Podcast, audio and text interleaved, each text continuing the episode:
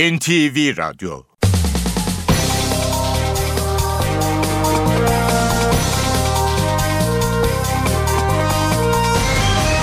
İşe Giderken Mutlu sabahlar. Ben Aynur Altunkaş. Bugün 14 Ocak Salı saat 9'a kadar Türkiye ve dünya gündemine yakından bakacağız. Gündemin başlıklarıyla başlayalım. Cumhurbaşkanı Abdullah Gül Hakimler ve Savcılar Yüksek Kurulu krizinin aşılabilmesi için dün muhalefet liderlerini ve başbakanı dinledi. CHP Genel Başkanı Kemal Kılıçdaroğlu anayasa değişikliği için HSYK teklifi geri çekilmeli ve iktidar yolsuzluk soruşturmalarına engel olmamalı diyerek iki şart öne sürdü. Hükümet ise teklifi geri çekmeyi düşünmüyor. 17 Aralık soruşturması kapsamında bazı iş adamlarının mal varlıklarına konulan tedbir kararı kaldırıldı. İstanbul Cumhuriyet Başsavcı Vekilliğinden Bakırköy Başsavcı Vekilliğine atanan Zekeriya Öz, karara itiraz ederek yıllık izne ayrıldı. Adalet Bakanı Bekir Bozdağ, Fransa'da 3 kadın PKK'lıyı öldüren Ömer Güney'in Milli İstihbarat Teşkilatı ile ilişkisi olduğuna dair iddialar için iftira dedi. Milli Eğitim Bakanlığı dershanelerin dönüşümüne ilişkin yasa tasarısını tamamladı. Tasarı bu hafta içinde Başbakan Recep Tayyip Erdoğan'a sunulacak. Uşak'ta bir yolcu otobüsü önünde giden tıra arkadan çarptı. 20'ye aşkın yaralı var. Real Madrid'in yıldız futbolcusu Cristiano Ronaldo 2013 yılının futbolcusu ödülünü gözyaşlarıyla aldı. Sahibinden.com Sahibinden.com trafik durumunu sunar. Sahibinden.com İstanbul trafiğinde henüz yoğunlaşma başlamadı. Köprülerde trafik yavaşlamaya başlıyor yavaş yavaş. Birinci köprüde Çamlıca ve köprü girişi arasında trafik yoğun. E, köprüye yaklaşırken daha akıcı bir hal alıyor. Çıkıştan sonra çok rahat. Anadolu yakasına geçişte de sadece köprü üzerinde hafifçe yavaşlayan bir trafik var. Fatih Sultan Mehmet Köprüsü'nde ise Anadolu Avrupa yönü Küçük Bakkalköy itibariyle yavaşlamaya başlıyor. Ataşehir Çavuşbaşı arasında yoğunluk var. Devamında yoğun akıcı bir trafik söz konusu. Kavacık Köprü girişi arası yine e, yoğun bir trafiğe sahip. Çıkışta da çok kısa süre yoğunluk var. E, gişelerden sonra trafik oldukça rahat Edirne yönünde. Anadolu yakası E5'te henüz yoğunluk başlamadı. Sadece Yeni Sahra civarında kısa süreli bir yoğunluk var. Avrupa yakası E5'te ise Çoban Çeşme Şirin Evler arasının yavaşlamaya başladığını görüyoruz. Avcılar Parseller Küçük Çekmece arasında da yoğunluk erkenden başlamış durumda. Sahibinden.com Sahibinden.com trafik durumunu sundu. Sahibinden.com İşe giderken gazetelerin gündemi.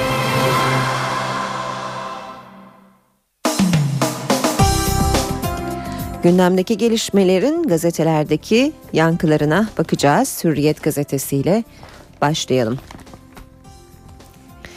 Beni içeride unuttular manşetiyle çıkmış Hürriyet gazetesi.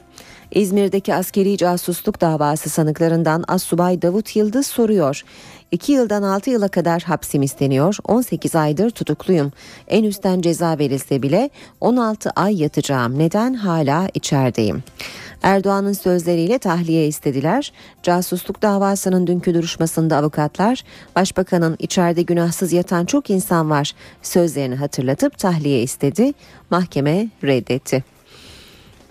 Bir başka başlık Çankaya adımı Cumhurbaşkanı Abdullah Gül HSYK'nın yapısını değiştiren teklif nedeniyle yaşanan krizin çözümü için iktidar ve muhalefet partileri arasında uzlaşma arıyor. Hukukçularına inceleme yaptıran Gül muhalefette aynı doğrultudaki mesajını hükümete iletti. HSYK ile ilgili teklif anayasaya aykırı düzenlemenin anayasada yapılması gerekir. Hükümetin olumlu yaklaşması üzerine Gül dün CHP, MHP ve BDP ile görüştü. Muhalefet liderleri yargının tarafsızlığı ve bağımsızlığı güvencesi şartıyla hazırız dedi. İş adam 7 iş adamına tedbir kalktı. İkinci yolsuzluk soruşturmasında 7 iş adamının ve 2 şirketin malları için alınan tedbir kararı kalktı. Gerekçe ise şöyle soruşturmanın usule uygun olup olmadığı şüpheli, suç işlendiğine dair kuvvetli şüphe gerekir. Kara kurdun ilk pozu bir fotoğraf görüyoruz. Nadir rastlanan yırtıcı memeli türü kara kurt Türkiye'de ilk kez görüntülendi. Yaban hayatı üzerine çalışan akademisyen Yasin İlem'in bilinçsiz avlanma nedeniyle geleceğini tehlikeye atmamak için kara kurtu nerede gördüğünü açıklamıyor. Milliyetle devam edelim basın özetlerine. Uzlaşı sinyali diyor Milliyet manşette köşkteki HSYK zirveleri havayı yumuşattı. Krizde devreye giren Gül'ün değişikliğin anayasayla yapılması görüşünü CHP ve BDP destekledi. Erdoğan da bu formüle yeşil ışık yaktı.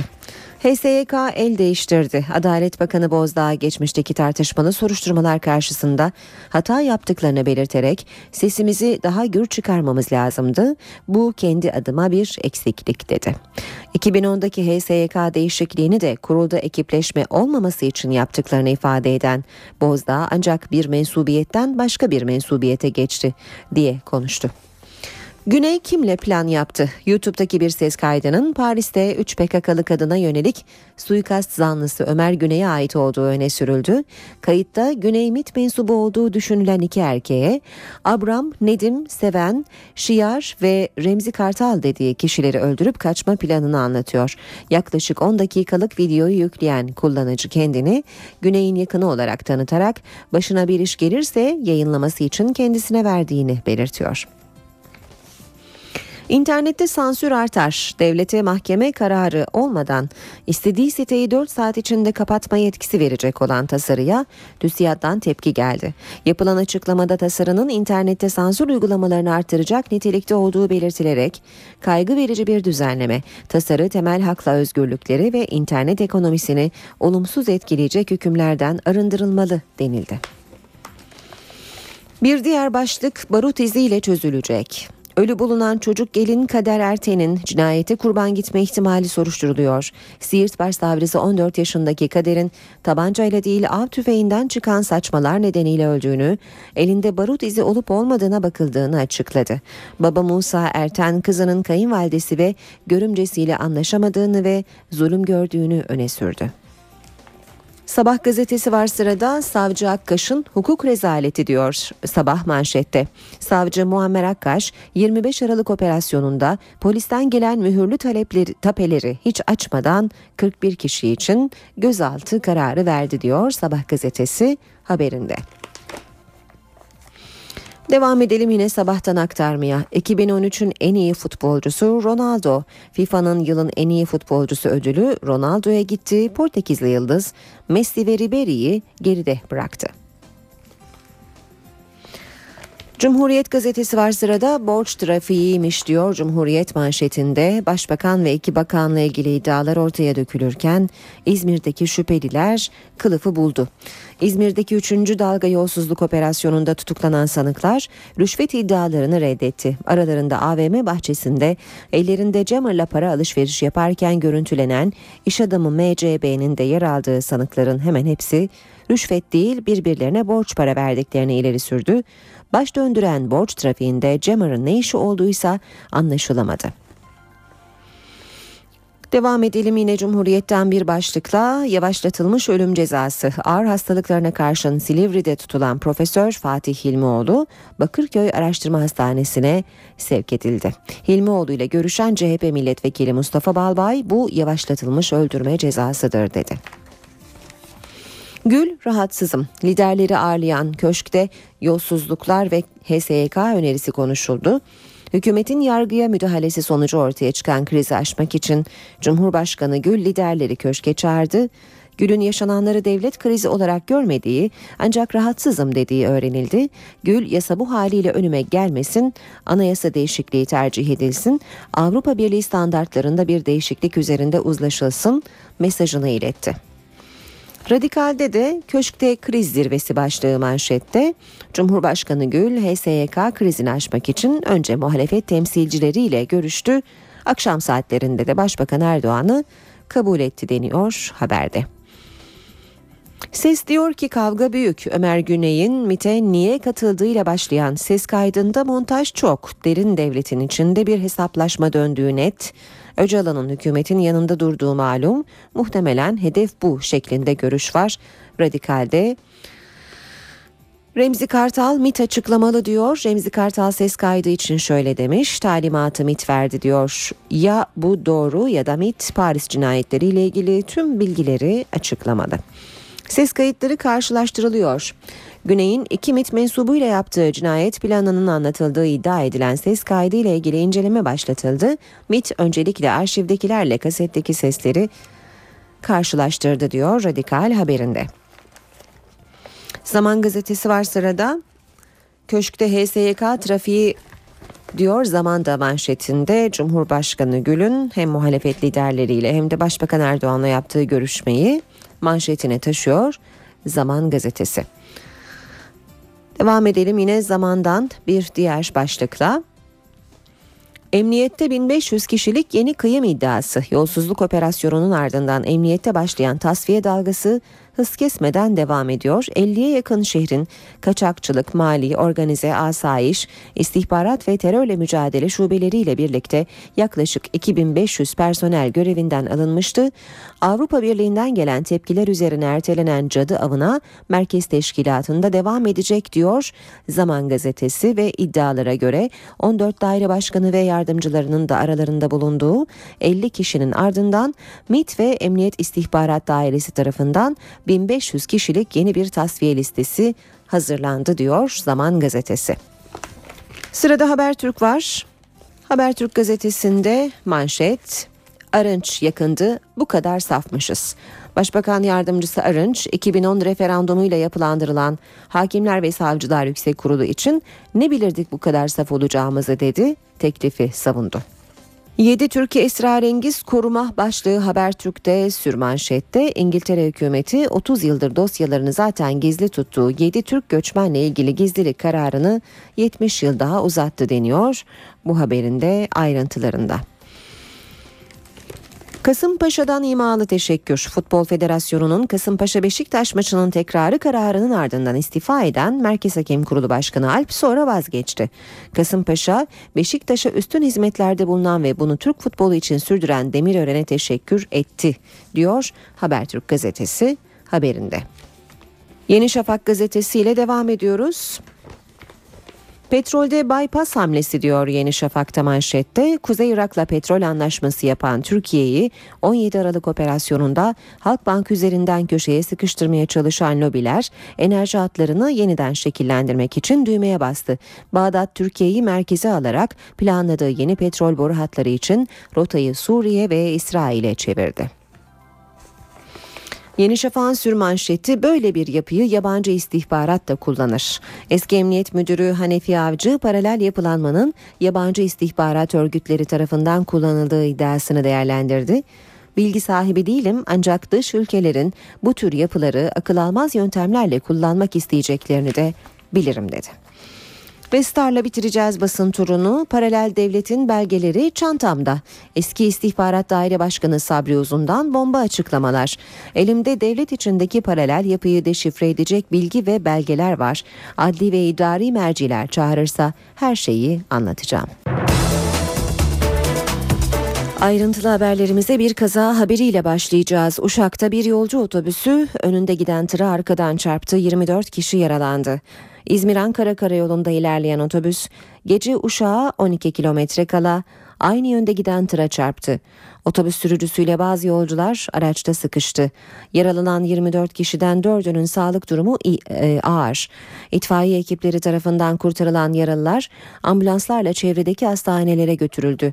Kaza nedeniyle İzmir-Ankara karayolu yaklaşık bir saat trafiğe kapalı kaldı. 17 Aralık soruşturması kapsamında bazı iş adamlarının mal varlıklarına konulan tedbir kararı kaldırıldı. İstanbul Cumhuriyet Başsavcılığı bazı şüphelilerin el konulan mallarının iadesine karar verdi. Kararın gerekçesinde dosyanın çok kapsamlı olmasına rağmen hakimin yarım saat gibi bir sürede tedbir kararı aldığı vurgulandı. El koyma kararı için daha kuvvetli şüphelerin gerektiği belirtildi. Soruşturma kapsamında Mustafa Latif Topbaş, Üsame Kutup, Cemal Kalyoncu, Ömer Faruk Kalyoncu, Mehmet Cengiz, Abdullah Tivnikli ve Cengiz Aktürk'le Bosforus 360 Limited şirketi ve Zirve Holding anonim şirketinin mal varlığı için tedbir kararı alınmıştı. Cumhurbaşkanı Abdullah Gül Hakimler ve Savcılar Yüksek Kurulu krizinin aşılması için devreye girdi. Dün önce muhalefet liderlerini dinledi sonra da başbakanı. Görüşme sonrası CHP lideri Kemal Kılıçdaroğlu bir açıklama yaptı ve iki ön koşulun gerçekleşmesi durumunda anayasa değişikliği için yeşil ışık yaktı. Ancak hükümet teklifi geri çekmeyi düşünmüyor. Hakimler ve Savcılar Yüksek Kurulu krizinde köşk devrede. Geçtiğimiz hafta iktidarı dinleyen Cumhurbaşkanı Abdullah Gül bu kez muhalefet liderleriyle buluştu. Görüşmelerden sızan bilgiler Cumhurbaşkanı'nın anayasa değişikliği için partiler arasında bir uzlaşma aradığı yönünde. Elbette bir anayasa değişikliği gerekecekse e, partilerimizin bu olaya nasıl baktığı önemlidir. Olabilir mi? Olur ama partilerimizin o noktadaki yaklaşımını herhalde Sayın Cumhurbaşkanımız hepsini dinleyerek bir karara varmış olacak. Köşkün ilk konuğu CHP lideri Kemal Kılıçdaroğlu'ydu.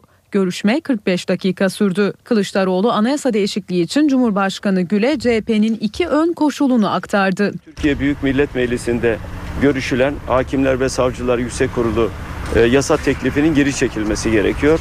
İkincisi siyasal iktidarın e, yolsuzluk soruşturmalarına engel olmaması gerekiyor. CHP lideri HSYK için somut bir de öneri sundu. Hakimler Yüksek Kurulu'yla Savcılar Yüksek Kurulu birbirinden ayrılsın dedi. CHP'nin ön koşullarına hükümetin yanıtı Başbakan Yardımcısı Bülent Arınç'tan geldi. HSYK ile ilgili olduğu söylenen kanun teklifinin geriye alınması söz konusu değil. Arınç anayasa değişikliği konusundaysa kapıyı açık bıraktı. Dört partinin de anlaşabileceği bir metin üzerinde karar verilebilirse elbette bu konu üzerinde Sayın Başbakanımızın da talimatıyla partiler arasında bir metin üzerinde çalışılabilir. Seri bir şekilde hazırlanabilir ve herkes üzerinde mutabık kalırsa şüphesiz öncelik anayasa maddesindeki değişiklik olabilir diye düşünüyorum. Kılıçdaroğlu'nun ardından köşke MHP lideri Devlet Bahçeli çıktı. Bahçeli 35 dakika süren görüşmenin ardından Çankaya Köşkü'nden açıklama yapmadan ayrıldı. Bahçeli'nin randevuya ilişkin değerlendirmesini grup toplantısında yapacağı belirtildi. BDP eş başkanı Selahattin Demirtaş, Cumhurbaşkanı ile görüşen son muhalefet lideriydi. Bu tasarının geri çekilmesi, durdurulması ve mümkünse bir e, ortak komisyonla çözüm e, aranması e, konusundaki görüşümüzü paylaştık. Cumhurbaşkanı Gül, Başbakan Recep Tayyip Erdoğan'la da bir araya geldi. Gül, Erdoğan görüşmesi yaklaşık bir saat sürdü. Hakimler ve Savcılar Yüksek Kurulu ile ilgili düzenlemenin 25 maddesi Adalet Komisyonu'nda kabul edildi. Komisyonun dördüncü gün mesaisi 8 saat sürdü. Dünkü toplantı öncekilere oranla daha sakin geçti. Görüşmelerde 4. 5. 12. 17. ve Adalet Komisyonlarının yeniden şekillendirilmesini içeren 25. madde anayasaya aykırılık içerdiği gerekçesiyle bizzat AK Parti'nin önergeleriyle tekliften çıkarıldı. Hakimler ve Savcılar Yüksek Kurulu'nun yapısını değiştiren düzenlemenin görüşmeleri sırasında komisyonda yaşanan gerginlik hem iktidarın hem de muhalefetin gündeminde. Yaşananlara bir tepki de Meclis Başkanı Cemil Çiçek'ten geldi. E, herkes hukuk istiyor ama hukuka uymadan istiyor. Zaten Türkiye'nin temel sıkıntısı da bu. Siyasetin gündeminde Hakimler ve Savcılar Yüksek Kurulu'nun yapısını değiştiren düzenlemenin meclis komisyonundaki görüşmeleri sırasında yaşananlar var. Meclis Başkanı Cemil Çiçek arbede görüntülerini değerlendirdi. İsim vermeden Yargıçlar Sendikası Başkanı Ömer Faruk Eminaoğlu'nu eleştirdi. Kaba olmayan, yaralıcı olmayan temiz bir uslupla bu konuları tartışmaktır. Bunun dışındaki hiçbir davranış için kimse iyi oldu diyemez. E, doğrudur e, diyemez. Eğer herkes her konuda komisyona gelip bilgi vereceğim, benim de bu konuda görüşüm var, dinlensin deniyor ise o zaman Türkiye'de hiçbir kanunu çıkarma şansı yok. Yaşananlara ilişkin bir değerlendirmede hükümet sözcüsü Bülent Arınç'tan geldi. Bazıları uçan tekme atıyorlar, bazıları elinde ne varsa onu fırlatıyorlar. Ağızlarından çıkanı kulakları duymuyorlar. Bir kavga, bir curcuna gidiyor. Bu Türkiye Büyük Millet Meclisi'ne de yakışmıyor. Siz Zeyt Aslan'ı örnek göstermeye kalkarsanız bir başkası da Kamer Genç'in yaptıklarından başlar. Al birini vur ötekine birbirinden farkı kalmaz. Ana muhalefetin eleştirilerinin odağındaki isimse Yargıçlar Sendikası Başkanı Ömer Faruk Eminaoğlu'na tekme atan AK Partili Zeyt Aslan. Zeyt Aslan'la ilgili olarak biliyorsunuz geçmişi e, ve sicili çok parlak değil bu tür olaylarla ilgili. Bunları hiç hatırlatmama gerek yok. Ee, ama bir türlü cezalandırılamayan ve yanı e, yaptığı sürekli yanına kar kalan bir milletvekili pozisyonunda Cemil Çiçek Grup Başkan Vekilimiz de aradı ve bir an önce kendisinin duruma el koyması gerektiğini söyledi ama e, Cemil Bey sadece komisyon başkanını aramakla yetindi. Bu olaylar konusunda da pasif durumdadır. CHP İstanbul Milletvekili Müslim Sarı'nın görüşleriydi. Meclis Anayasa Komisyonu Başkanı Burhan Kuzu, yargı vesayet kurmuşsa bunu aşmak siyasetin boynunun borcu dedi. Kuzu, Hakimler ve Savcılar Yüksek Kurulu'nun yapısı ile ilgili düzenleme çalışmalarını NTV yayınında değerlendirdi. Burhan Kuzu 17 Aralık operasyonu için de hedef başbakan dedi yargı vesayet kurmuşsa ya da başka bir kurum bunu aşmak siyasetçinin boynunun borcu. Başka da çaresi yok. Sanırım şu anki gayret biraz buna yöneliktir. Meclis Anayasa Komisyonu Başkanı Burhan Kuzu, Hakimler ve Savcılar Yüksek Kurulu'nun yapısıyla ilgili Adalet Komisyonu'nda devam eden çalışmaları bu sözlerle yorumladı kanunla düzenlenir diyor. 45 dakika programında Mehmet Barlas'ın sorularını yanıtlayan Burhan Kuzu, hakimler ve savcıların ayrı yüksek kurullarının olması gerektiğini belirtti. Kılıçdaroğlu'nun o teklifini de ben doğru buluyorum. Şimdi bir de bakıyoruz savcı anda fıs fıs fıs fıs fıs bir şeyler konuşuyorlar sonra karar veriyorlar. Böyle bir şey olmaz. Avrupa'da savcının hakimi binalar ayrı. Ne yemekte bir araya Tabii gelirler. Canım. Kuzu 17 Aralık operasyonunu da değerlendirdi. Şunu okudu vatandaş. Ha senin derdin aslında e, devletin, fakirin, fukaranın, garibin, kurabanın neyse yetimin hakkını gözetmek değil. Sen kumpas yapıyorsun, şantaj yapıyorsun. Anayasa Komisyonu Başkanı paralel devlet tartışmasına da değindi. Asıl hedef başbakan dedi. Bu karşıdaki paralel devletin yapısını ben çok bilemem. Yani arka planda belli ki bir uğraşan olduğu kesin. Ama bu ne kadarı orada ne kadarı bundan kimsenin günahını almayayım. Devletin istihbaratı bunu mutlaka biliyordur. Ama bir şey var. Hedef Tayyip Bey'in bizatihi kendisi Öyle. ve e, Tayyip Bey'siz bir AK Parti. Programda yeniden yargılama konusu da gündeme geldi. Şunu doğru bulmam yani daha biz bunun kararını vermedik ama efendim işte Balyoz ve işte bakan ve Ergan Okan'a o davaları küllen yok saydık. Sıfır kıldı. Çok doğru bir şey değil. Oradaki yanlışları düzeltecek formül arayalım. Genelkurmay başkanları ve kuvvet komutanlarının Yüce Divan'da yargılanabilmesinin önü açılıyor. Düzenleme İlker Başbuğ'u kapsamayacak. Açıklamayı yapan hükümet sözcüsü Bülent Arınç, Uludere soruşturmasında verilen takipsizlik kararını da değerlendirdi. Genelkurmay Başkanı ve kuvvet komutanlarının yargılama yeri Yüce Divan sıfatıyla Anayasa Mahkemesi olacak. Hükümet 2010'da yapılan referandumda kabul edilen anayasa değişikliği çerçevesinde bu adımı atıyor. Genelkurmay Başkanı kara, deniz ve Hava Kuvvetleri Komutanlığı ile komutanları ile Jandarma Genel Komutanı'nın görevleriyle ilgili suçlardan dolayı soruşturma usulü düzenleniyor. Bu kişilerin yargılanmasına gerek duyulması halinde Yüce Divan sıfatıyla Anayasa Mahkemesi'ne gönderilmesi daha önce 12 Eylül 2010 referandumuyla kararlaştırılmıştı. Şimdi bunun uygulama kanununu getirmiş bulunuyoruz. Tasarı imzalandı. Başbakan yardımcısı Bülent Arınç'a göre düzenleme halen demir parmaklıklar ardında bulunan eski Genelkurmay Başkanı İlker Başbuğ ise kapsamayacak. Ne zaman kanunlaşacağını bilemeyiz. Elbette kanunlaştıktan sonra yürürlük ifade edecektir. Çünkü bu bir anayasa maddesi değil, bu bir kanundur geçmişe yürümemesi gerekir. Bakanlar Kurulu'nun ardından açıklama yapan Arınç'a Genelkurmay Başkanlığı askeri savcılığından Uludere için çıkan takipsizlik kararı da soruldu. Bunu terörle mücadele kapsamında düşünebilirseniz olan biteni çok daha iyi anlayacaksınız. Çözüm süreci başarıya ulaşmazsa daha çok ulu dereler yaşanabilir. Asıl acı olan da budur. Adalet Bakanı Bekir Bozdağ Fransa'da 3 kadın PKK'lıyı öldüren Ömer Güney'in Milli İstihbarat Teşkilatı ile ilişkisi olduğuna dair iddialara sert tepki gösterdi. Bozdağ, MIT isminin karıştırılması tamamen iftira kampanyasıdır dedi.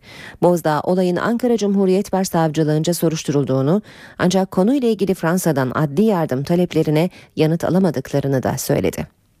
İstanbul Cumhuriyet Başsavcı Vekilliğinden Bakırköy Başsavcı Vekilliğine atanan Zekeriya Öz karara itiraz ederek yıllık izne ayrıldı. Hakimler ve Savcılar Yüksek Kurulu 1. Dairesi geçen hafta yolsuzluk soruşturmasını yürüten İstanbul Cumhuriyet Başsavcı Vekili Zekeriya Öz'ün görev yerini değiştirmişti. Öz'ün Bakırköy Adliyesi'ne atanması kararlaştırılmıştı. Savcı Zekeriya Öz atama kararına itiraz etti ve yıllık izne ayrıldı. 17 Aralık operasyonuyla başlayan süreçte Halkbank hakkında çıkan haberlere bankanın yönetiminden tepki geldi.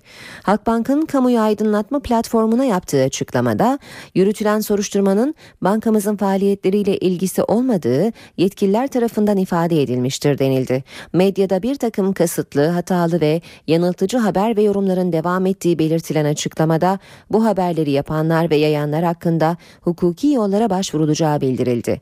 Açıklamada Halkbank'ın tüm işlemlerinin ulusal ve uluslararası düzenlemelere uygun olduğu vurgulandı. Mersin Gümrüğü'ndeki rüşvet iddiaları ile ilgili adliyeye sevk edilen 29 kişiden 7'si tutuklandı. 3'ü gümrük memuru 22 kişi ise tutuksuz yargılanmak üzere serbest bırakıldı. 10 Ocak'taki operasyonda rüşvet alıp verdikleri iddiasıyla 35 kişi gözaltına alınmış, soruşturma dosyası ile ilgili gizlilik kararı alınmıştı. İzmir Liman Operasyonu kapsamında aranan 9 kişiden biri gözaltına alındı. İzmir Cumhuriyet Başsavcılığınca çıkar amaçlı suç örgütü kurmak ve ihaleye fesat karıştırmak suçlarından yürütülen soruşturma sürüyor. Aranan 9 kişiden biri polis tarafından yakalanarak gözaltına alındı. Cumhurbaşkanı Abdullah Gül Hakimler ve Savcılar Yüksek Kurulu krizinin aşılabilmesi için dün muhalefet liderlerini ve başbakanı dinledi. CHP Genel Başkanı Kemal Kılıçdaroğlu anayasa değişikliği için HSYK teklifi geri çekilmeli ve iktidar yolsuzluk soruşturmalarına engel olmamalı diyerek iki şart öne sürdü. Hükümet ise teklifi geri çekmeyi düşünmüyor. 17 Aralık soruşturması kapsamında bazı iş adamlarının mal varlıklarına konulan tedbir kararı kaldırıldı. İstanbul Cumhuriyet Başsavcı Vekilliğinden Bakırköy Başsavcı Vekilliğine atanan Zekeriya Öz karara itiraz ederek yıllık izne ayrıldı. Adalet Bakanı Bekir Bozdağ, Fransa'da 3 kadın PKK'lıyı öldüren Ömer Güney'in Milli İstihbarat Teşkilatı ile ilişkisi olduğuna dair iddialar için iftira dedi. Milli Eğitim Bakanlığı dershanelerin dönüşümüne ilişkin yasa tasarısını tamamladı. Tasarı bu hafta içinde Başbakan Recep Tayyip Erdoğan'a sunulacak. Uşak'ta bir yolcu otobüsü önünde giden tıra arkadan çarptı. 20'ye aşkın yaralı var. Real Madrid'in yıldız futbolcusu Cristiano Ronaldo 2013 yılının futbolcusu ödülünü gözyaşlarıyla aldı.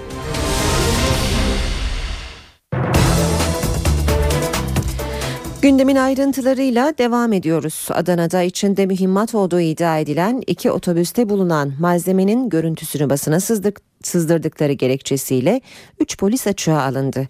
Terörle Mücadele Şube Müdür Yardımcısıyla teknik büroda görevli iki polis açığa alınanlar arasında. Bu arada Cuma günü gözaltına alınan 8 zanlının emniyetteki sorgusu tamamlandı. Zanlılardan 5'i serbest bırakıldı, 3 kişi ise adliyeye sevk edildi. Söz konusu mühimmatın rotasının Suriye olduğu iddia edilmişti. Bölgedeki çatışmalar nedeniyle geçişe kapatılan Öncü Pınar sınır kapısında tır kuyruğu oluştu. Suriye'deki çatışmalar şiddetlendi. Öncü Pınar sınır kapısında uzun tır kuyruğu oluştu. Muhalif gruplar arasındaki çatışmaların yoğunlaşması nedeniyle Eselami sınır kapısından araç geçişi güç sağlanıyor. Türkiye'den gönderilen yardım malzemelerini almak isteyen tırlar kapıdan geçemedi. Yüklerini boşaltamayan Türk tarafındaki tırlar da Öncü Pınar'da 10 kilometrelik kuyruk oluşturdu. Gıda malzemesi taşıyan tır şoförleri ürünlerinin bozulacağı endişesiyle duruma tepkili. Ne ekmek var ne su var adamlar ne yapacağını şaşırmış. Yağmur bir taraftan yağıyor, soğuk bir taraftan. Hemen hemen gümrüğe varacak. 10 kilometre var yani. Gümrük kapısından Türkiye'ye giriş yapan Suriyeliler ise temel ihtiyaçları karşılandıktan sonra tekrar ülkelerine dönüyor. Suriye'de savaşan tarafları bir araya getirmeyi amaçlayan Cenevre 2 görüşmeleri 22 Ocak'ta yapılacak. Muhalefetin görüşmelere katılıp katılmayacağı Cuma günü netleşecek. Amerika ve İngiltere ise muhalefetin görüşmelere katılması konusunda ısrarcı. Suriye hükümetiyle muhalefetinin aynı masada buluşturulmasının planlandığı Cenevre 2 görüşmelerine bir hafta kaldı. Ancak Suriye muhalefetinin ana temsilcilerinden Suriye Ulusal Koalisyonu'nun görüşmeye katılıp katılmayacağı belli değil. Katılım gerçekleşmezse İngiltere ve Amerika Birleşik Devletleri koalisyona desteklerini gözden geçirecek. Amerika Birleşik Devletleri Dışişleri Bakanı John Kerry, Paris'teki Suriye'nin dostları toplantısında muhalefeti Cenevre 2 görüşmelerine katılması için uyardı. Kerry, politik bir yoldan başka bir seçenek olmadığını belirtti. İngiltere Dışişleri Bakanı William Hague ise Suriye'nin geleceğinde Esad yok dedi. 125 bin kişinin ölümünden ve işkenceyle geçen yılların ardından Esad'ın Suriye halkını yeniden bir araya getireceği düşünülemez. Ben de diğer gözlemciler gibi düşünüyorum. Esad'ın Suriye'nin geleceğinde herhangi bir rolü yok. Koalisyon görüşmelere katılıp katılmayacağına cuma günü yapılacak oylamayla karar verecek. Suriye'de 3 yıla yakın bir süredir devam eden çatışmalarda muhalif gruplar arasında da derin ayrılıklar yaşanıyor. Cenevre 2 olarak adlandırılan görüşmeler iç savaşın sonlanması yönünde atılacak önemli bir adım olarak görülüyor. Dışişleri Bakanı Ahmet Davutoğlu 6. Büyükelçiler Konferansı'nın ilk gün akşam yemeğinde büyükelçilere seslendi. Dışişleri camiasına birlik ve beraberlik çağrısında bulunan Davutoğlu, şerefsizler ne yaparlarsa yapsınlar biz bu milletin şerefini tüm dünyada ayakta tutacağız dedi. Asala terörüyle camiamızın ne kadar çok şehit verdiği hepimizin hatıralarındadır. Tahsin Bey'in hep hayatı boyu kullandığı sözü ben de tekrar ederek ifade ediyorum. Şerefsizler ne yaparsa yapsınlar bu milletin şerefini ayakta tutacağız. Kimden, hangi cihetten, hangi sebeple gelirse gelsin, üstümüze hangi yöntemlerle yürürlerse yürüsünler, bu aziz bayrağı dünyanın her yerinde dalgalandırmaya devam edeceğiz. Bu şehitlerimizden aldığımız bir emanettir ve ebediyete kadar nesilden nesile hiçbir tereddüt olmadan, dizimizin dermanı hiç çözülmeden dimdik ayakta durarak devredeceğimiz bir emanettir. Bu gücü hep muhafaza edeceğiz ve bu devletin gücünü, kudretini de dünyanın her yerinde temsil etmeye devam edeceğiz. İstanbul Arnavutköy'de seri katil paniği yaşanıyor. Bu korkunun nedeni 15 gün içinde 3 gencin aynı yöntemle öldürülmesi. Jandarma katil ya da katillere ait bir ipucu arıyor. En ufak delil seri cinayetleri çözebilir. İstanbul Arnavutköy'de peş peşe işlenen cinayetlerin kurbanlarından biri 21 yaşındaki Uğur Koçak. Başından vurularak öldürüldü. Yakın arkadaşı Ramazan Yarın cesedi ise ondan 10 gün önce bulundu. 3 gün önce cesedi bulunan son kurbanda iddiaya göre aynı arkadaş grubundan. Öldürülen 3 kişinin uyuşturucu ve hırsızlıktan poliste kayıtları var. Bölgede yaşayanlarsa tedirgin. Benzer yöntemlerle işlenmiş cinayetlerin arkasında aynı kişi ya da kişilerin olduğu tahmin ediliyor. Şüpheli listesinin ilk sırasında ise markete soyulan ve cinayetlerin ardından ortadan kaybolan bir isim var. Jandarma tarafından aranan şüphelinin ailesi ise onun kaçırıldığını düşünüyor.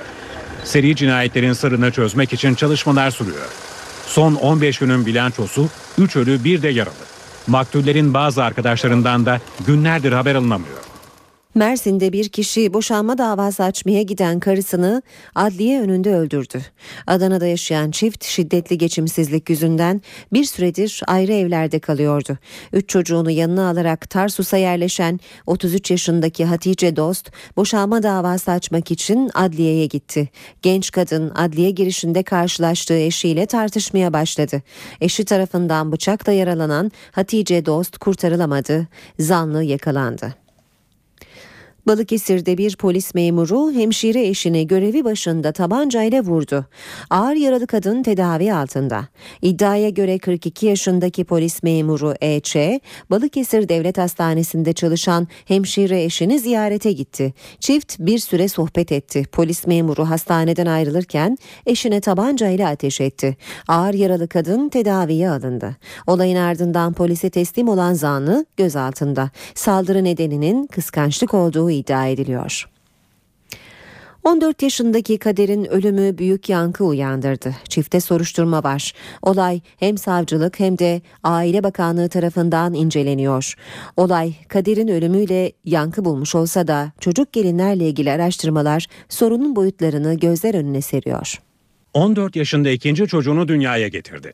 Erken doğan bebeğini kaybeden çocuk anne odasında yanında bir silah ölmüş halde bulundu. 14 yıllık yaşamında büyük acılar yaşayan Kader Erten, gece yarısı birkaç kişinin katıldığı törenle toprağa verildi. Nikahsız yaşadığı eşinin ailesine göre Kader 18 yaşından büyüktü. İkinci doğumunda hastanenin şikayeti üzerine başlatılan soruşturmada kemik yaşı 16 olarak tespit edildi. Kader Erten öldüğünde aile hakkında başlatılan soruşturmada sürüyordu. Kader'in bir buçuk yaşındaki çocuğunun da nüfus kaydı yoktu.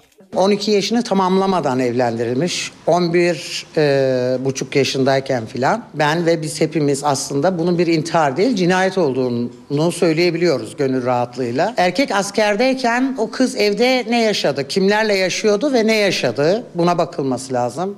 Kader'in yaşadıkları yıllardır devam eden çocuk gelin sorununu yeniden gündeme getirdi.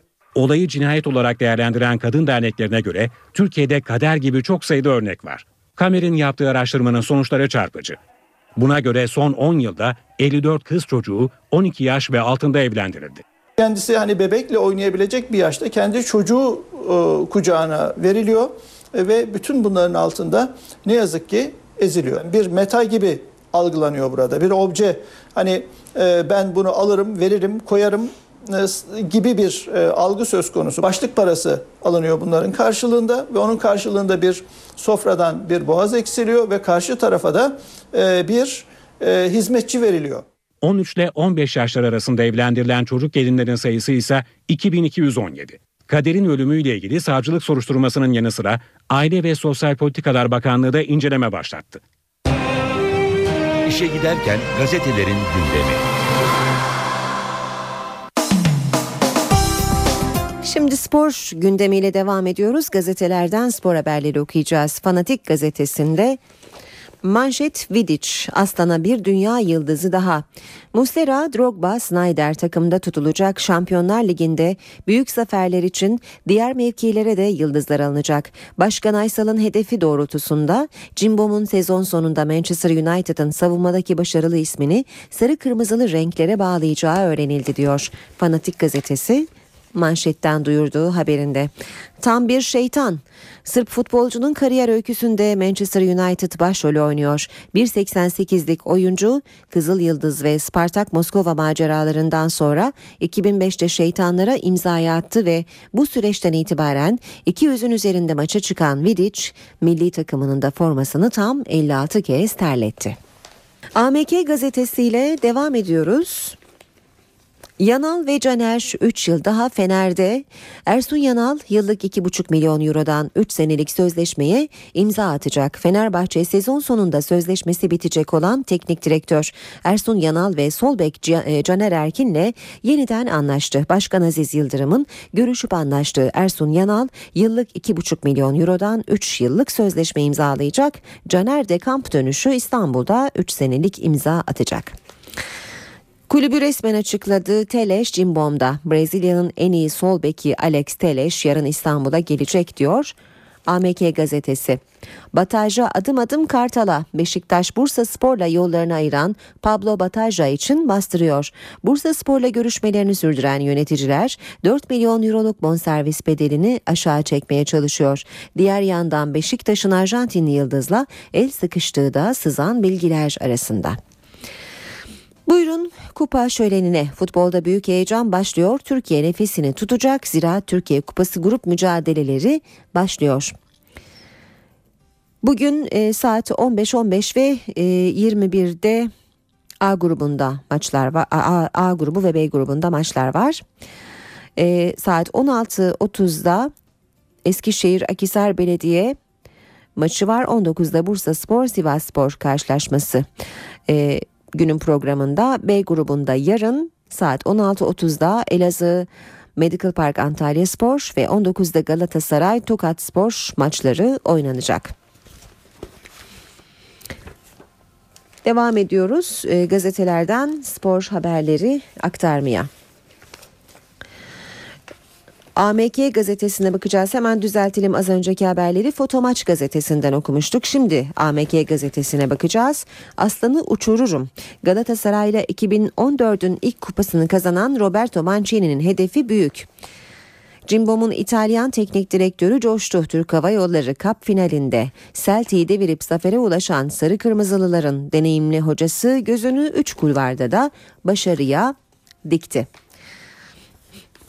Az önce e, Fanatik gazetesinden Vidic haberi aktarmıştık. AMK ise Vidic'e hayır, Rodolfo'ya evet başlığına yer vermiş birinci sayfasından. Bir diğer başlık Ersun Yanal en kötü ihtimalle şampiyonuz diyor. Fenerbahçe Teknik Direktörü Ersun Yanal bir elinde kağıt kalem hesap üstüne hesap yapıyor. Çıkan sonuç şampiyonluk. Spor haberleri aktarmaya devam edelim gazetelerden. Milliyet gazetesine bakacağız şimdi. Okuyacağımız ilk başlık Beşiktaş'a yetmedi. Siyah beyazlar şimdi de hükmen galibiyet için tahkim kuruluna başvuracak. Kasımpaşa Beşiktaş maçının tekrar kararını yeterli bulmayan siyah beyazlar şimdi de karşılaşmanın 3-0 hükmen lehlerine tescil edilmesi isteğiyle tahkime gidecek. Kartal bunun gerçekleşmemesi halinde müsabakanın 31. dakikada 1-0 önde başlamasını isteyecek. Kararı kurullar tartışamaz.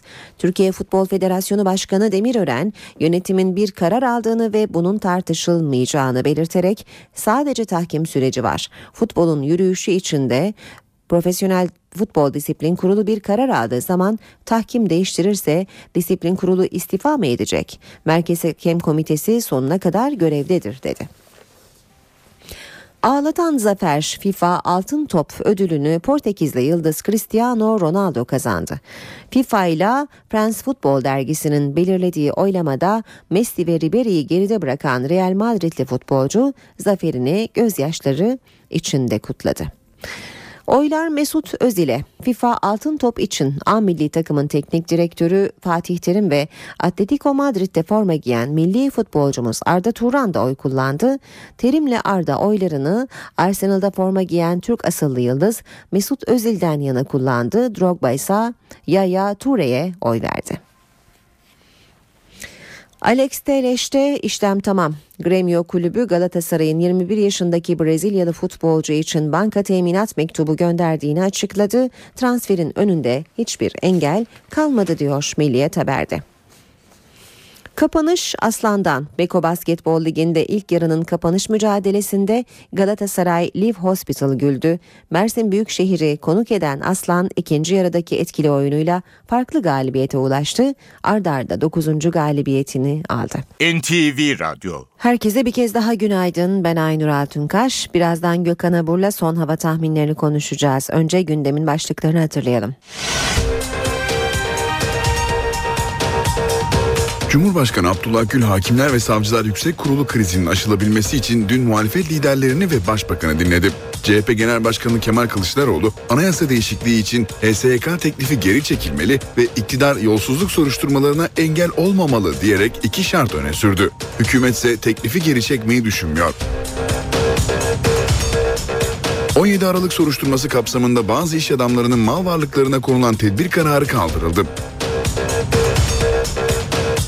İstanbul Cumhuriyet Başsavcı Vekilliğinden Bakırköy Başsavcı Vekilliğine atanan Zekeriya Öz, karara itiraz ederek yıllık izne ayrıldı. Adalet Bakanı Bekir Bozdağ, Fransa'da 3 kadın PKK'lıyı öldüren Ömer Güney'in Milli İstihbarat Teşkilatı ile ilişkisi olduğuna dair iddialar için iftira dedi. Milli Eğitim Bakanlığı dershanelerin dönüşümüne ilişkin yasa tasarısını tamamladı. Tasarı bu hafta içinde Başbakan Recep Tayyip Erdoğan'a sunulacak. Uşak'ta bir yolcu otobüsü önünde giden tıra arkadan çarptı. 20'ye aşkın yaralı var. Real Madrid'in yıldız futbolcusu Cristiano Ronaldo 2013 yılının futbolcusu ödülünü gözyaşlarıyla aldı. Gökhan Abur günaydın hoş geldiniz. Günaydın. Bugün e, kimi illerimiz için sis uyarısı var. Doğuda da bazı illerde beklenen kar yağışı başladı. E, bugün için neler anlatacaksınız bize? Evet Lodos batıda sıcaklıkları biraz da olsa yükseltmeye başlamıştı ama iç ve doğu kesimlerde hava oldukça soğuk ve yüksek basınç etkisi altında bulunan e, iç ve doğu bölgelerimizde yer yer sis ve pus etkili. Şu an itibariyle e, son duruma baktığımda Ankara'da, Diyarbakır'da, Kırşehir'de, Bursa'da, Balıkesir'de hemen hemen ülkenin büyük bir çoğunluğunda iç kesimlerde sis ve pusun etkili olduğunu görüyoruz. Bu dondurucu sis boyutlarında özellikle iç ve doğu bölgelerde. Dolayısıyla görüşü kısıtlaması yanında yer seviyesinde çiğ ve donan buz hatta şöyle söyleyebilirim gizli buzu oluşturması bakımından sürücülerin çok dikkat etmesi gereken bir olay. Yağışlar Doğu Karadeniz bölgesinde dün başlamıştı. Uzun süredir yağış almayan Karadeniz bölgemizde başlayan yağışlar şu an itibariyle Rize civarında devam ediyor. Aynı şekilde Artvin'de kar yağışı geçtiğimiz saatler içinde başladı. Bugün için Erzurum, Kars, Manakkari boyunca da kar yağışının aralıklarla devam etmesini bekliyoruz. Ege ise yeni bir yağış havanın etkisi altına girecek. Ege'de başlayacak yağışlar aralıklarla kuvvetlenecek ve yarın yarın e, yağışlar biraz hafiflese de yine de aralıklarla kıyı Ege boyunca devam edecek. Ama Perşembe günü kıyı Ege, Marmara, Batı Akdeniz ve Batı Karadeniz bölgemizin yağışlı havanın etkisi altına girmesini bekliyoruz ki bu yağışlar İstanbul'da da Perşembe günü öğleden sonra ve Cuma sabah saatlerinde yer yer aralıklarla kendisini hissettirecek. Çünkü İstanbul 28 gündür yağış almıyor. Tahmin ediyorum Perşembe günü biraz da olsa yağış alacak ama asıl kuvvetli yağışları ayın 20'sinden sonra bekliyoruz. Bunu birkaç gündür uygulamaya çalışıyorum. 20'sinden sonra gelmesini beklediğimiz sistem hemen hemen batı ve iç kesimlere bol miktarda yağış bırakacak. Ama dediğim gibi bugün yağışlar çok kısıtlı bölgelerde aralıklarla devam ediyor. Kuraklık, kuraklık devam ediyor. Kuraklık iç kesimlerde özellikle kendisini hissettirmeye başladı. Gerek sulama gerekse enerji barajlarında düşüşler var şu an itibariyle ama çok büyük olasılıkla demin de söyledim.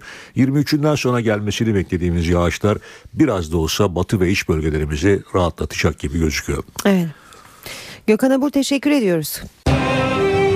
İşe giderken gazetelerin gündemi. Şimdi manşet turu yapacağız. Milliyet gazetesiyle başlayalım.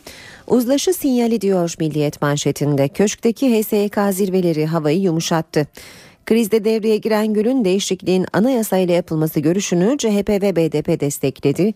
Erdoğan da bu formüle yeşil ışık yaktı. Meclisteki kavga görüntüleriyle iyice tırmanan HSYK krizinde çözüm arayışı e, sürdüren Cumhurbaşkanı Gül dün sırasıyla CHP lideri Kılıçdaroğlu, MHP lideri Bahçeli, BDP eş başkanı Demirtaş ve Başbakan Erdoğan'la bir araya geldi. Düzenlemenin anayasa değişikliğiyle yapılmasından yana tavır alan Gül, CHP ve BDP'den olumlu sinyal alınca görüşünü Erdoğan'a anlattı. Gül, böyle bir zemin varsa değerlendiririz yanıtını veren Erdoğan'a, CHP'nin bu konudaki ön şartının Adalet Komisyonu'ndaki HSYK görüşmelerinin durması olduğunu iletti. Erdoğan'ın bu konuda da yeşil ışık yakması uzlaşma umutlarını artırdı. Aynı saatlerde Adalet Bakanı Bozdağ, Gül'ün belirlediği çerçevede muhalefetle temaslara başladı. Basın özetlerine devam edelim. Hürriyet gazetesiyle. Hürriyet'in manşeti beni içeride unuttular. İzmir'deki askeri casusluk davası sanıklarından Assubay Davut Yıldız soruyor. 2 yıldan 6 yıla kadar hapsim isteniyor. 18 aydır tutukluyum. En üstten ceza verilse bile 16 ay yatacağım. Neden hala içerideyim? Sabah gazetesi var sırada. Savcı Akkaş'ın hukuk rezaleti diyor sabah manşetinde. Savcı Muammer Akkaş 25 Aralık operasyonunda polisten gelen mühürlü tapeleri hiç açmadan 41 kişi için gözaltı kararı verdi. Cumhuriyette manşet borç trafiğiymiş. Başbakan ve iki bakanla ilgili iddialar ortaya dökülürken İzmir'deki şüpheliler kılıfı buldu diyor Cumhuriyet gazetesi. Haber şöyle İzmir'deki 3. dalga yolsuzluk operasyonunda tutuklanan sanıklar rüşvet iddialarını reddetti. Aralarında AVM bahçesinde ellerinde Cemır'la para alışverişi yaparken görüntülenen iş adamı MCB'nin de yer aldığı sanıkların hemen hepsi rüşvet değil birbirlerine borç para verdiklerini ileri sürdü. Baş döndüren borç trafiğinde Cemmer'ın ne işi olduysa anlaşılamadı. Zaman gazetesi köşkte HSYK trafiği diyor manşette. Cumhurbaşkanı Gül dün parti liderlerini köşke davet ederek Hakimler ve Savcılar Yüksek Kurulu'nun yapısını değiştirmeye yönelik teklif konusunda fikir alışverişinde bulundu. CHP lideri Kılıçdaroğlu teklifin geri çekilmesini istediğini söyledi. Başbakansa herhangi bir açıklama yapmadı. Haber Radikal'de de manşette köşkte kriz zirvesi başlığıyla Cumhurbaşkanı Gül'ün çözüm aradığı belirtiliyor. Haber Türkiye bakalım. Haber Türk'ün manşeti Arınç yakındı. Bu kadar safmışız. Başbakan yardımcısı Arınç, 2010 referandumuyla yapılandırılan HSYK için ne bilirdik bu kadar saf olacağımızı dedi, teklifi savundu. Yeni Şafak e, gazetesi petrolde bypass diyor. E, petrolde bypass hamlesi diyor. Kuzey Irak'la petrol anlaşması yapan Türkiye'yi 17 Aralık operasyonunda Halkbank üzerinden köşeye sıkıştırmaya çalışan lobiler enerji hatlarını yeniden şekillendirmek için düğmeye bastı. Bağdat Türkiye'yi merkeze alarak planladığı yeni petrol boru hatları için rotayı Suriye ve İsrail'e çevirdi. Ve son gazete Star.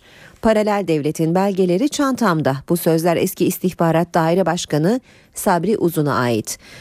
Uzun diyor ki elimde devlet içindeki paralel yapıyı deşifre edecek bilgi ve belgeler var. Adli ve idari merciler çağırırsa her şeyi anlatacağım. NTV Radyo Saat 8.15 Türkiye ve dünya gündemine yakından bakmaya devam ediyoruz işe giderken de. 17 Aralık soruşturması kapsamında bazı iş adamlarının mal varlıklarına konulan tedbir kararı kaldırıldı. İstanbul Cumhuriyet Başsavcılığı bazı şüphelilerin el konulan mallarının iadesine karar verdi. Kararın gerekçesinde dosyanın çok kapsamlı olmasına rağmen hakimin yarım saat gibi bir sürede tedbir kararı aldığı vurgulandı. El koyma kararı için daha kuvvetli şüphelerin gerektiği belirtildi.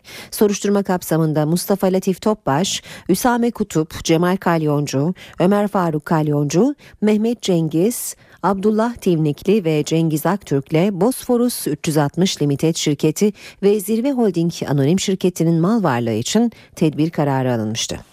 Adalet Bakanı Bekir Bozdağ Fransa'da 3 kadın PKK'lıyı öldüren Ömer Güney'in Milli İstihbarat Teşkilatı ile ilişkisi olduğuna dair iddialara sert tepki gösterdi. Bozdağ MIT isminin karıştırılması tamamen iftira kampanyasıdır dedi. Bozdağ olayın Ankara Cumhuriyet Başsavcılığınca soruşturulduğunu ancak konuyla ilgili Fransa'dan adli yardım taleplerine yanıt alamadıklarını söyledi. Hakimler ve Savcılar Yüksek Kurulu ile ilgili düzenlemenin 25 maddesi Adalet Komisyonu'nda kabul edildi. Komisyonun dördüncü gün mesaisi 8 saat sürdü. Dünkü toplantı öncekilere oranla daha sakin geçti. Görüşmelerde 4. 5. 12.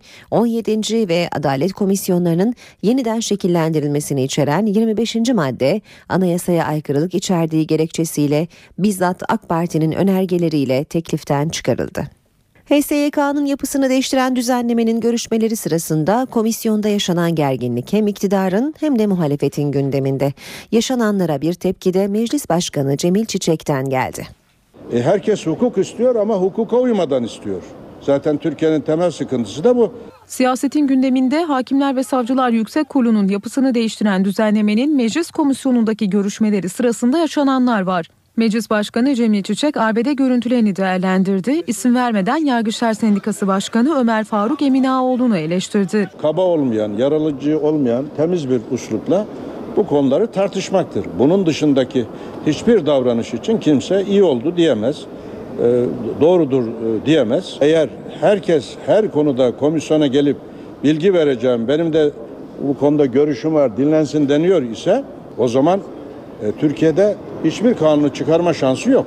Yaşananlara ilişkin bir değerlendirmede hükümet sözcüsü Bülent Arınç'tan geldi. Bazıları uçan tekme atıyorlar, bazıları elinde ne varsa onu fırlatıyorlar. Ağızlarından çıkanı kulakları duymuyorlar. Bir kavga, bir curcuna gidiyor. Bu Türkiye Büyük Millet Meclisi'ne de yakışmıyor. Siz Zeyt Aslan'ı örnek göstermeye kalkarsanız bir başkası da Kamer Genç'in yaptıklarından başlar. Al birini vur ötekine birbirinden farkı kalmaz. Ana muhalefetin eleştirilerinin odağındaki isimse Yargıçlar Sendikası Başkanı Ömer Faruk Eminaoğlu'na tekme atan AK Partili Zeyit Aslan. Zeyit Aslan'la ilgili olarak biliyorsunuz geçmişi e, ve sicili çok parlak değil bu tür olaylarla ilgili. Bunları hiç hatırlatmama gerek yok. Ee, ama bir türlü cezalandırılamayan ve yanı e, yaptığı sürekli yanına kar kalan bir milletvekili pozisyonunda Cemil Çiçek Grup Başkan Vekilimiz aradı ve bir an önce kendisinin duruma el koyması gerektiğini söyledi ama e, Cemil Bey sadece komisyon başkanını aramakla yetindi. Bu olaylar konusunda da pasif durumdadır. Şimdi Ankara'ya uzanacağız. Karşımızda NTV muhabiri Gökhan Gerçek var. Gökhan günaydın. Günaydın. Hayır. Yine e, HSYK tartışmalarıyla yeni bir güne daha başladık. Bugün de başkentte gündem yoğun olacak. Neler söyleyeceksin? Hayır, Hakimler ve Savcılar Yüksek Kurulu'nun yapısının değiştirilmesini öngören düzenleme ile ilgili tartışmalar ve görüşmeler e, bugün de başkentin öncelikli gündem maddesini oluşturacak. Köşkte dün oldukça önemli bir zirve vardı.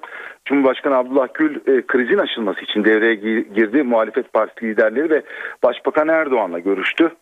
Edinilen bilgilere göre anayasa değişikliği konusunda e, muhalefetin gündeme getirdiği önerilere e, Cumhurbaşkanı Abdullah Gül'ün sıcak baktığı e, sorunun anayasa değişikliğiyle çözülmesi gerektiği bu görüşünü de Başbakan Erdoğan'la paylaştığı şeklinde bugün bu konu e, yine grup toplantılarında da görüşecek. Bugün salı siyasetin gündemini grup toplantıları belirleyecek zira e, e, iktidar Partisi lideri Başbakan Erdoğan muhalefet liderleri ve grup toplantılarında e, yolsuzluk ve rüşvet operasyonu ile ESYK'nın yapısını değiştiren düzenlemeler konusunda e, değerlendirmelerde bulunacaklar.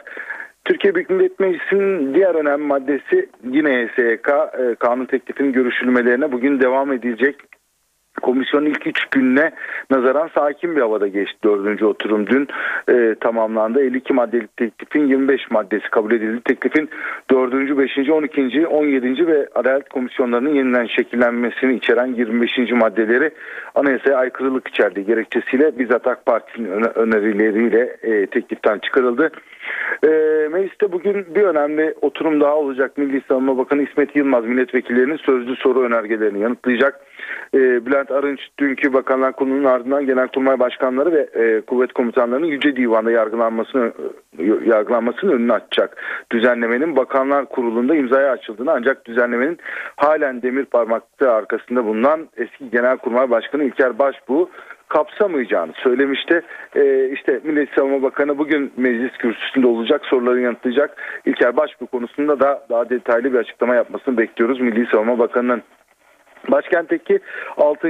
Büyükelçiler Konferansı bugün de devam edecek. Dışişleri Bakanı Ahmet Davutoğlu diplomasinin insani boyutu kapsamında vatandaşlarla bir araya gelecek gün boyunca e, Beşir Atalay, Bülent Arınç, Emrullah İşler son olarak da Ekonomi Bakanı Nihat Zeybekçi Büyükelçilere hitap edecekler. Cumhurbaşkanı Gül ise Büyükelçilere Çankaya Köşkü'nde öğle yemeği verecek. Ee, Başbakan Erdoğan AK Parti grubunun ardından Ankara Büyükşehir Belediyesi'nin 214 tesisinin toplu açılış törenine katılacak. Erdoğan akşam saatlerinde ise partisinin seçim işleri üst kurulunu toplayacak. Başkentin e, gündeminin ana satır başları bu şekilde. Aynur. Gökhan teşekkürler kolay gelsin.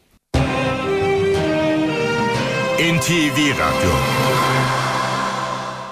Ayrıntılı haberlerimize devam edelim. Milli Eğitim Bakanlığı dershanelerin dönüşümüne ilişkin yasa tasarısını tamamladı. Tasarı bu hafta içinde Başbakan Erdoğan'a sunulacak.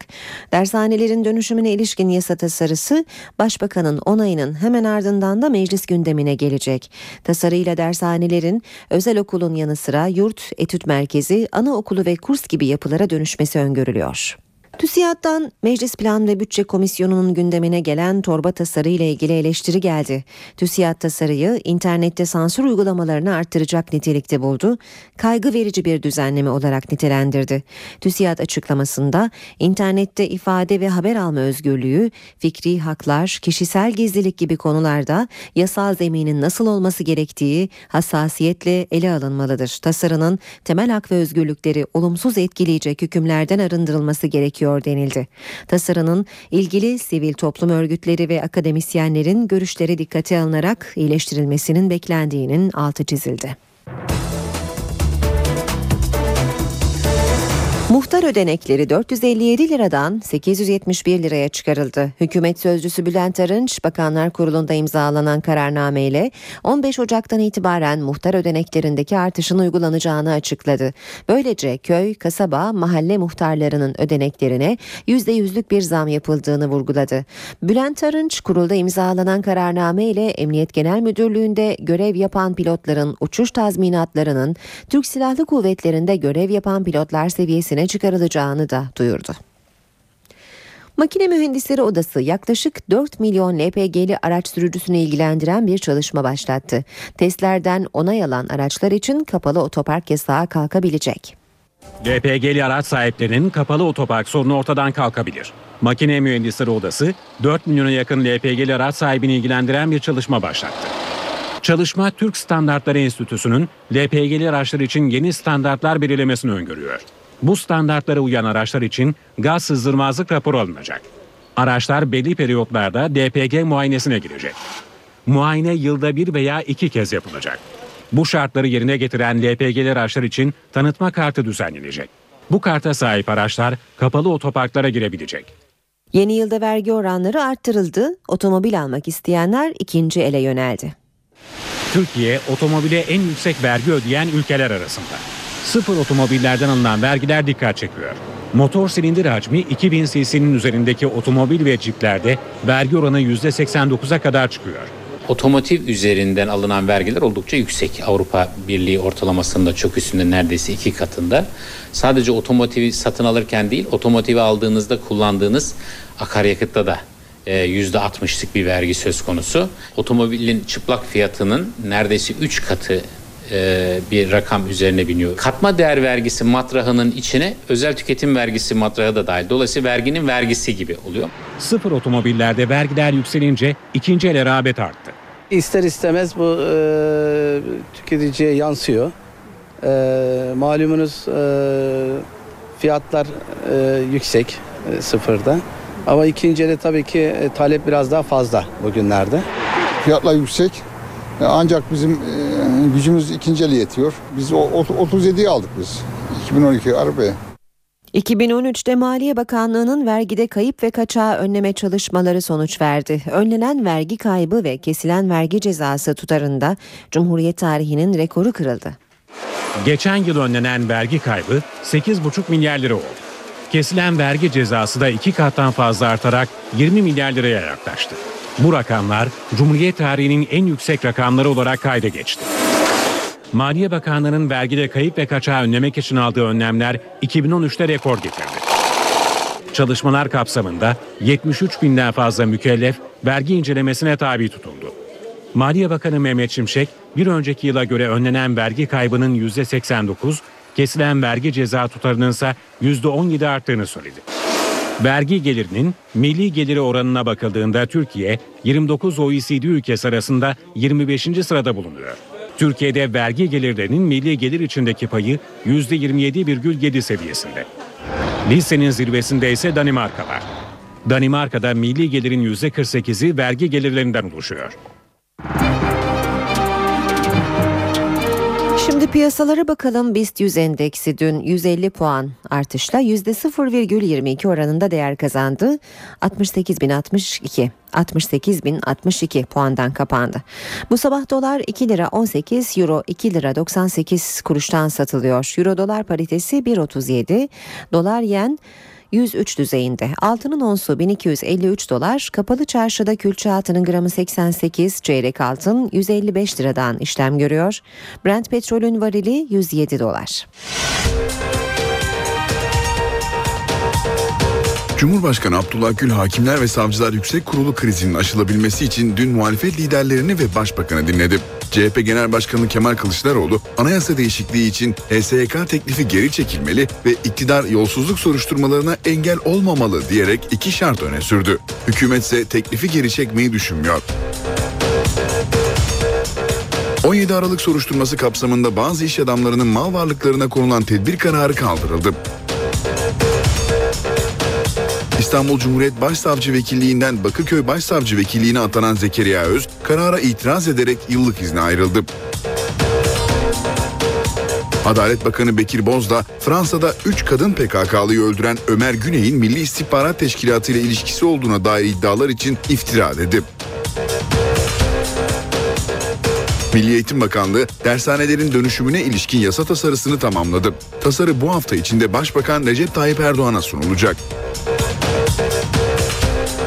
Uşak'ta bir yolcu otobüsü önünde giden tıra arkadan çarptı. 20'ye aşkın yaralı var.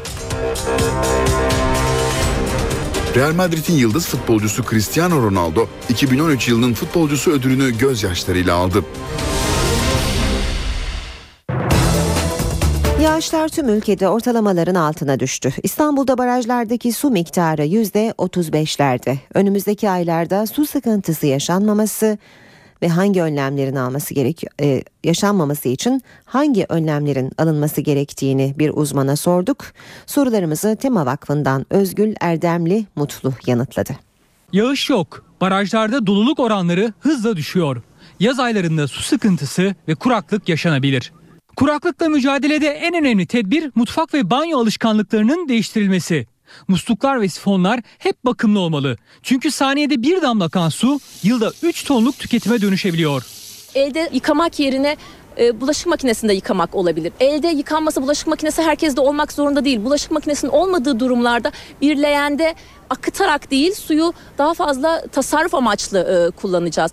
Kullanılmış suların arıtılması ve yağmur suyundan yararlanmak da önlemler arasında. evsel sistemlerde hem Türkiye'de daha önce Anadolu'da kullanılan modeller vardı. E, dolayısıyla yağmur suları örneğin. Yağmur sularını depolayarak tekrar e, kullanabilmek. Tasarruf tedbirleri yüksek su faturalarının da önüne geçecek. Evsel kullanım Türkiye'de toplam su tüketiminin sadece %15'ini oluşturuyor. Asıl sorun tarımsal arazilerin sulanması yöntemlerinde.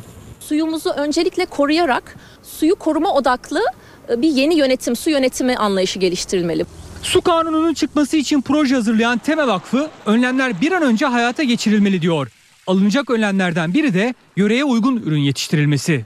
Artık çoğu sebzeyi her mevsim yemek mümkün ama uzmanlar bunun sağlıklı olmadığını düşünüyor. Her meyve ve sebze mevsiminde tüketilmeli diyor. Uzmanlar uyarıyor. Kışın domates yerine greyfurt, salatalık biber yerine C vitamini içeren yeşillikler tüketin. Yaz aylarının vazgeçilmezi bu sebzelerin kış mevsiminde tüketilmesi önerilmiyor. Ya Sadece domates değil belki sebze olarak düşüneceğimiz yeşil biber, salatalık pek çok ürün e, tabii şu, şu anki koşullarda yetiştirilemez. Bunlar hepsi yaz dönem sebzesi, kışın yetiştirilen ürünler bunlar. Yani insanlara e, zarar verebileceğini söylemek mümkün tabii. Bununla ilgili çok çalışma var. E, aslında bakıldığında bir kere doğal değil. Yani bunu e, çok rahatlıkla söyleyebiliriz. Yani biz eğer kışın domates yersek çok gereksiz yere karaciğerimize yüklenebileceğimiz, e, zarar verebileceğimiz bazı maddeleri alma şansımız var. Uzmanlara göre her meyve ve sebze mevsiminde tüketilmeli. Kırmızı e, renkli greyfurt da var. Örneğin onu tüketebiliriz çok rahatlıkla. İşte diğer yeşillikler içerisinde çok rahat bulabiliriz. Ispanak içerisinde bulabiliriz ve diğer e, C vitamini içerebilecek işte greyfurt ve benzeri şeyler içerisinde rahatlıkla bulabiliriz. Uzmanlar ayrıca ev hanımlarına çağrıda bulunuyor ve yaz aylarında konserve yapılmasını öneriyor. Hatay'da tarım kalkınma planına uygun şartlarda ilk kez muz hasadı yapıldı. Verim beklenenden iyiydi. Yıllardır geleneksel tarımla uğraşan üreticinin kazancı ona katlandı. Hatay'da ilk kez yapılan muz hasadı üreticinin kazancını ona katladı. İki yıl önce tarım kalkınma planı çerçevesinde 10 bin metrekarelik bir alanda muz üretimine başlandı. Verim beklenenden iyi çıktı. İlk hasat dönemi çiftçinin yüzünü güldürdü. Hiçbir katkı madde, gübre hiçbir şey kullanmıyoruz. O kadar doğal yetiştiriyoruz ki yani 100 yıldan beri hiç canlanmayan ot tohumları bile bu doğal ortamda hepsi canlanıyor yani. Bölgede daha önce buğday, pamuk ve mısır yetiştiren üretici yıllık ortalama 5 bin lira olan kazancını muzla 50 bin liraya yükseltti. Kente muz üretiminin yaygınlaştırılması hedefleniyor. Antalya'daki falezlerle ilgili korkutan bir açıklama geldi. Falezlerin her yıl santim santim kaydığı belirtildi. Çok katlı binaların boşaltılması öneriliyor. Antalya'daki falezlerde kayma var. İddiaya göre zemindeki kayma her yıl gözle görülür şekilde artıyor. Tehlikeli bölge Yavuz Özcan Parkı'ndan Cumhuriyet Meydanı'na kadar uzanıyor. Bu bölgede santim santim de olsa ciddi bir kayma söz konusudur. Biz 10-15 yıl önceki raporlarımızda buna dikkat çekmiştik. İl Özel İdare binasındaki malum e, çatlaklar veya oturulamaz raporu ile e, boşaltılmıştır. Olası bir depremde yıkım yaşanabileceğini belirten Afetler ve Kriz Çalışma Grubu Başkanı Ahmet Çiçek, çok katlı binaların boşaltılması gerektiği görüşünde. Bu alanın e, uzun vadede e, boşaltılarak park haline dönüştürülmesi de Antalya şehir merkezine ciddi bir ayrıca nefes aldıracaktır. NTV Radyo Kuzey Kıbrıs Türk Cumhuriyeti'nin kurucu Cumhurbaşkanı Rauf Denktaş ölümünün ikinci yıl dönümünde Lefkoşa'da anıldı. Rauf Denktaş'ın ailesinin yanı sıra Kuzey Kıbrıs Türk Cumhuriyeti Cumhurbaşkanı ve meclisteki tüm siyasi parti liderleri oradaydı. Kuzey Kıbrıs Türk Cumhuriyeti'nin kurucu Cumhurbaşkanı Rauf Raif Denktaş ikinci ölüm yıl dönümünde Lefkoşa'daki kabri başında anıldı. Törene eşi Aydın Denktaş ve oğlu, Başbakan Yardımcısı Serdar Denktaş'ın yanı sıra Cumhurbaşkanı Derviş Eroğlu, Başbakan Özkan Yorgancıoğlu ve eski Cumhurbaşkanı Mehmet Ali Talat da katıldı. Eşi Aydın Denktaş, Cumhuriyet Parkı'ndaki kabre çelenk koyarken üzgündü. Törende konuşan Kuzey Kıbrıs Türk Cumhuriyeti Cumhurbaşkanı Derviş Eroğlu, kısa sürede konuşmaların ve belgesellerin Denktaş'ın mücadelesini anlatmaya yeterli olmadığını söyledi. Eroğlu kendisi aramızda olmasa da mimarı olduğu Kuzey Kıbrıs Türk Cumhuriyeti bizimle yaşıyor dedi. O aramızdan ayrılalı iki oldu ama fikirleri, düşünceleri, hizmetleri ve en önemlisi mimarı olduğu Kuzey Kıbrıs Türk Cumhuriyeti Devleti ile birlikte bizimle yaşıyor. Kıbrıs Türk halkı egemen, hür ve özgür bir halk olarak yaşadıkça da hep yaşayacaktır. Türk Dışişleri Bakanlığı da Denktaş'ın ölüm yıl dönümü nedeniyle bir mesaj yayınladı. Mesajda Rauf Denktaş, dünya ölçeğinde takdir edilen liderlik ve devlet adamlığı vasıflarıyla kalplerimizdeki müstesna yerini her zaman koruyacaktır denildi. Fransa Cumhurbaşkanı Hollande'ın gizli aşkı First Lady'yi üzdü. Hollande'ın 7 yıldır birlikte olduğu Valérie Trierweiler aşırı yorgunluk nedeniyle hastaneye kaldırıldı. Konu siyasi bir polemiğe de dönüşmüş durumda. Muhalefete göre tüm bu yaşananlar ülkenin imajına zarar veriyor. Gizli aşk dedikoduları Fransa'nın First Lady'si Valérie Trierweiler'i hastanelik etti. Fransa Cumhurbaşkanı François Hollande'ın kendisinden 20 yaş küçük Fransız aktris Julie Gaye ile gizli bir aşk yaşadığının basına sızması Trierweiler'i yordu.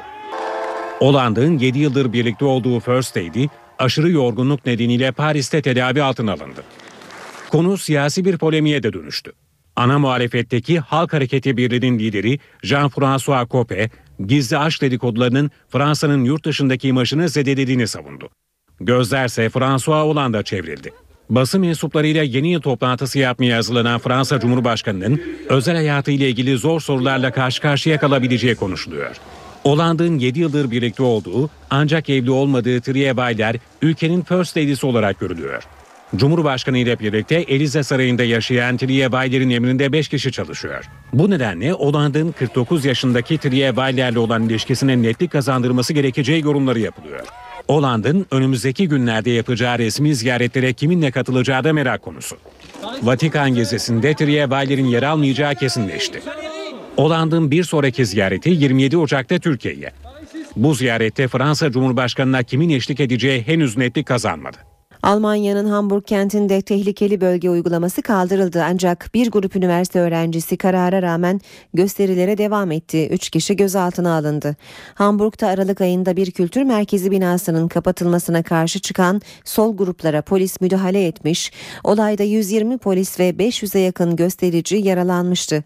Çatışmaların ardından Hamburg'un bazı semtleri tehlikeli bölge ilan edilmiş ve bu semtlerde yoğun güvenlik önlemi alınmıştı.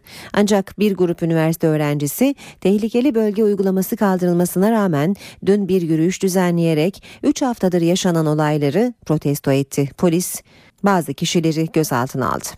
Bu haberle işe giderken sona erdi. Hoşçakalın. NTV Radyo